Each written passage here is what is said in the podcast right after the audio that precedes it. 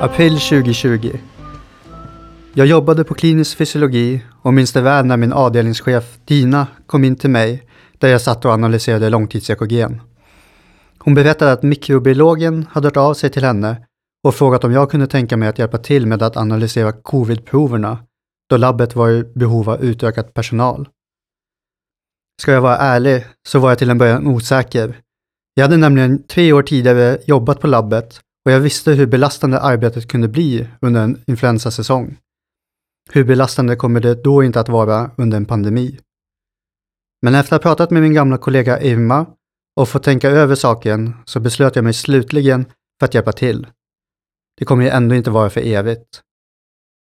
Men det blev ord som jag snabbt skulle få äta upp. Jag heter Amaret Schäfer, är legitimerad biomedicinsk analytiker och jobbar numera på klinisk mikrobiologi och vårdhygien, avdelningen för molekylär virologi. Nu ska jag berätta om hur det är att jobba på en av de avdelningar som hanterar SARS-CoV-2-proverna.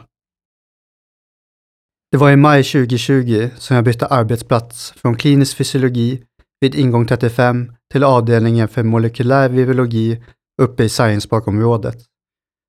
Mikrobiologen låg tidigare i en röd tegelbyggnad tvärs över Dag Hammarskjöldsväg mittemot ingång 95-96. Idag befinner vi oss i nya, fräscha och moderna lokaler i en byggnad som heter Hubben. Det var många nya ansikten, men också några bekanta. Vi var uppe omkring 14 till 16 pers som arbetade i labbet den dagen jag började. Förutom mig så var vi några som var inlånade ifrån andra avdelningar och nya rekryteringar var dessutom på gång. För att ge er lyssnare lite perspektiv så var de cirka nio anställda som arbetade på molekylär virologi innan covid-pandemin startade. Tempot var högt redan från dag ett. Eftersom jag hade tidigare erfarenhet av labbet så kunde jag snabbt hjälpa till med att hantera inmärkning och avhällning av covid-proverna.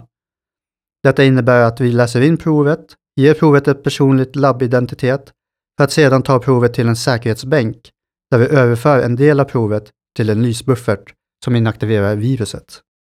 Detta var alltså cirka fyra månader efter att pandemin hade tagit fart i Sverige och det var redan flera hundra covidprover att hantera dagligen. Vår kapacitet låg på omkring 1000 prover om dagen. Förutom den höga andelen covidprover så analyserade vi även stora mängder av andra analyser, såsom CMV, viralt meningitblock, herpes, hiv, HPV och hepatitprover även sekvensering av SARS-CoV-2. Vår avdelning blev tvungen att utöka öppettiderna till 07.30 till 23.00 på kvällen och utöver det även ha öppet på söndagar. Detta är alltså ett laboratorium som i vanliga fall jobbar 08 till 16.30 och endast helger under influensasäsongen. Som ni säkert förstår så var inte labbet dimensionerat för en pandemi i en sån här stor skala. Cirka tre veckor efter min första arbetsdag så började övertiden att ramla in. För mig innebar det att jag kom cirka 30 minuter tidigare varje dag och stannade över minst en timme. Det kanske inte låter så mycket, men det här var ju bara början. Antalet covidprover ökade och ökade. Ibland kunde jag sitta i den där säkerhetsbänken i 4-5 timmar i sträck och bara pipetera prover. Axeln blev stel och molade när verken väl släppte så var jag återigen på jobbet och påbörjade samma sak igen. Vi gjorde vårt bästa, men proverna hamnade på kö. Först hundratals för att sedan bli tusentals. Trots att flera av oss jobbade sex dagar i veckan och började jobba en till fyra timmar extra om dagen så kunde vi inte komma ikapp. Några på labbet kunde komma upp i extrema fyra till åtta timmar extra dagligen. För de tog inte jobbet slut när de gick ut ur byggnaden, utan följde med hela vägen hem. Detta var alltså inte enstaka tillfällen, utan detta skedde dagligen och det började kännas outhärdligt. Men jag skulle få andas ut en kort stund. I mitten på sommaren 2020 så minskade antalet covidprover. Vi hade dock våra aningar om att vi endast hade sett början på pandemin. Jag återgick till mitt arbete på klinisk fysiologi, men det var redan bestämt att jag skulle tillbaka i början på september. Även om jag bara hade jobbat på covid-labbet i cirka två månader så kände jag av att det hade varit ansträngande. Som nybliven förälder så hade jag umgåtts väldigt lite med min familj under de här två månaderna och min sambo Sara fick ta ett stort lass med både barn och hem. Men tyvärr så skulle vi umgås ännu mindre den kommande tiden. September 2020. Sommarsemestern kändes som knappt en minut. Om ni tror att labbet hade ledigt under sommaren för att proverna gick ner så tar ni fel. De som jobbade på labbet arbetade med att ta fram nya metoder, instrument och reagenser för att vara bättre förberedda på den våg som skulle komma till hösten. Glöm inte heller att vi slogs med hela världen om instrument, reagens och sjukvårdsmaterial. Det kan kännas som att pandemin bara påverkar dig, men den har påverkat oss alla. Tänk dig hur svårt det är att få tag på någonting om hela världen vill åt samma sak, exempelvis toapapper. Ett annat problem i september var också att de som var inlånade från andra labb hade gått tillbaka till sina ordinarie arbetsplatser. Labbets öppettider ändrades därför till 07.30 till 19.30 eftersom vi saknade personal.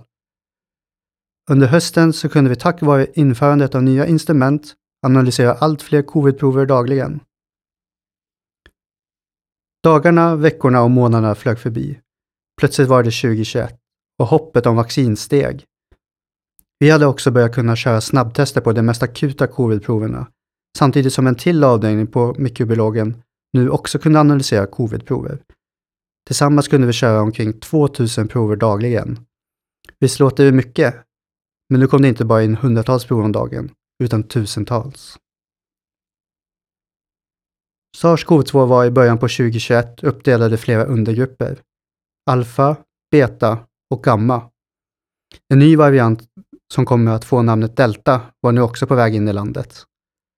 Det skulle bli allt viktigare att veta vilken variant som spred sig i samhället. Det innebär såklart mycket mer arbete för oss. Att svara ut prover började ta längre tid. Att hantera flera reagenser för att kunna detektera olika varianter väl också mer tidskrävande. Utöver detta så var vi även tvungna att validera och säkerställa att våra metoder gav säkra svar. Framtiden såg tyvärr väldigt tuff ut redan i början på 2021, men vaccineringen var på väg och när vi nådde sommaren så minns jag att det kändes som att hösten skulle bli lugnare tack vare vaccinet. Men det skulle visa sig att jag ännu en gång skulle få äta upp mina ord. Hur fungerade det för mig personligen då? I början på 2021 hade jag snittat cirka nio övertidstimmar i veckan. Det fanns de som hade mindre, men det fanns även de som hade betydligt mycket mer. Tur i oturen så blev jag också pappa i början på pandemin och jag kunde vara lite föräldraledig i slutet på 2020. Problemet var att när jag lämnade arbetsplatsen de dagarna jag slutade tidigt på grund av föräldraledigheten så fick jag ångest. Det kändes som att jag svek mina kollegor när jag gick tidigt och jag visste att de drunknade i arbete. Jag kan säga det en sak. Det är inte kul att vara hemma med sitt barn när man mår dåligt över det. För att kontra detta så tog jag på mig ännu fler helgpass. Eller så fick mina föräldrar ta hand om vår son för att jag kände behovet av att jobba extra. Men visst var jag ändå på något sätt lyckligt lottad, då jag ändå hade ett jobb att gå till där jag kunde träffa kollegor dagligen. Jag slapp igen att vara ensam under pandemin och så här i efterhand så är jag väldigt glad över att ha fått chansen att vara med och göra en stor skillnad. Nu tänker jag hoppa ganska långt fram i tiden, till hösten 2021, när omikron står och bankar på dörren. Denna tid var extremt påfrestande. Som ni säkert vet så var piken för antal smittade av omikron säkert 4 till 5 gånger så hög som när deltavarianten kom. Nu regnade det in tiotusentals prover om dagen och vi hade maxkapacitet på cirka 3 till 4 000 covid-analyser dagligen och omkring 60 snabbtester under dagtid. Vi skickade omkring 1500 prover till ABC-labb per dag för ytterligare covid-analys. Det innebar att dagligen så samlades fler prover än vad vi kunde ta hand om. Och detta är alltså bara covid. Glöm inte bort de där analyserna som jag nämnde i början. Det var så mycket prover och det var så mycket att göra. Det var för mig väldigt frustrerande att dagligen bli påmind överallt att provsvaren tog så lång tid. Vi vet att ni alla ville ha ett provsvar, inte bara allmänheten, utan även inom akademiska. Ni kan tänka er hur mycket telefonsamtal vi fick angående provsvar, eller om ett prov hade kommit fram till labbet. Varje gång detta skedde så var det som att leta efter en nål i en höstack. Jag är så sjukt imponerad och stolt över att vi ändå lyckades så bra som vi gjorde. Och att vi kunde ha de svarstiderna som vi hade. Och att vi klarade av att leverera när vi hela tiden fick nya rutiner utifrån nya direktiv. Alla yrkeskategorier och medarbetare gav verkligen mer än 100% för att ge samhället en otrolig service, som jag tror att de flesta bara tagit för givet. Tiden rinner ut i sanden och så gör även omikron. Idag har vi fortfarande smittspridning av omikron, men symptomen är mildare än de tidigare covid-varianterna. Numera analyserar vi bara några hundratals prover om dagen och det känns skönt att få pusta ut och fokusera på sådant arbete som har fått vänta på grund av pandemin. Det känns också skönt att sluta i tid och att få umgås i lugn och ro med min familj när jag kommer hem om dagarna. Jag hoppas att jag kunnat ge dig en bättre inblick i vårt arbete och mitt arbete på labbet under pandemin. Förhoppningsvis har jag kunnat svara på frågor som du kanske har ställt dig innan du började lyssna på avsnittet. Jag skulle kunna fortsätta i flera timmar om det här ämnet, men det får bli en annan gång. Vi kommer alla att stå inför tuffa beslut och händelser i framtiden. Men jag vet nu att de går att hantera. Du klarar mycket mer än vad du tror. Du har lyssnat på mig, Amaret Schäfer, legitimerad biomedicinsk analytiker. Stort tack till dig som har lyssnat.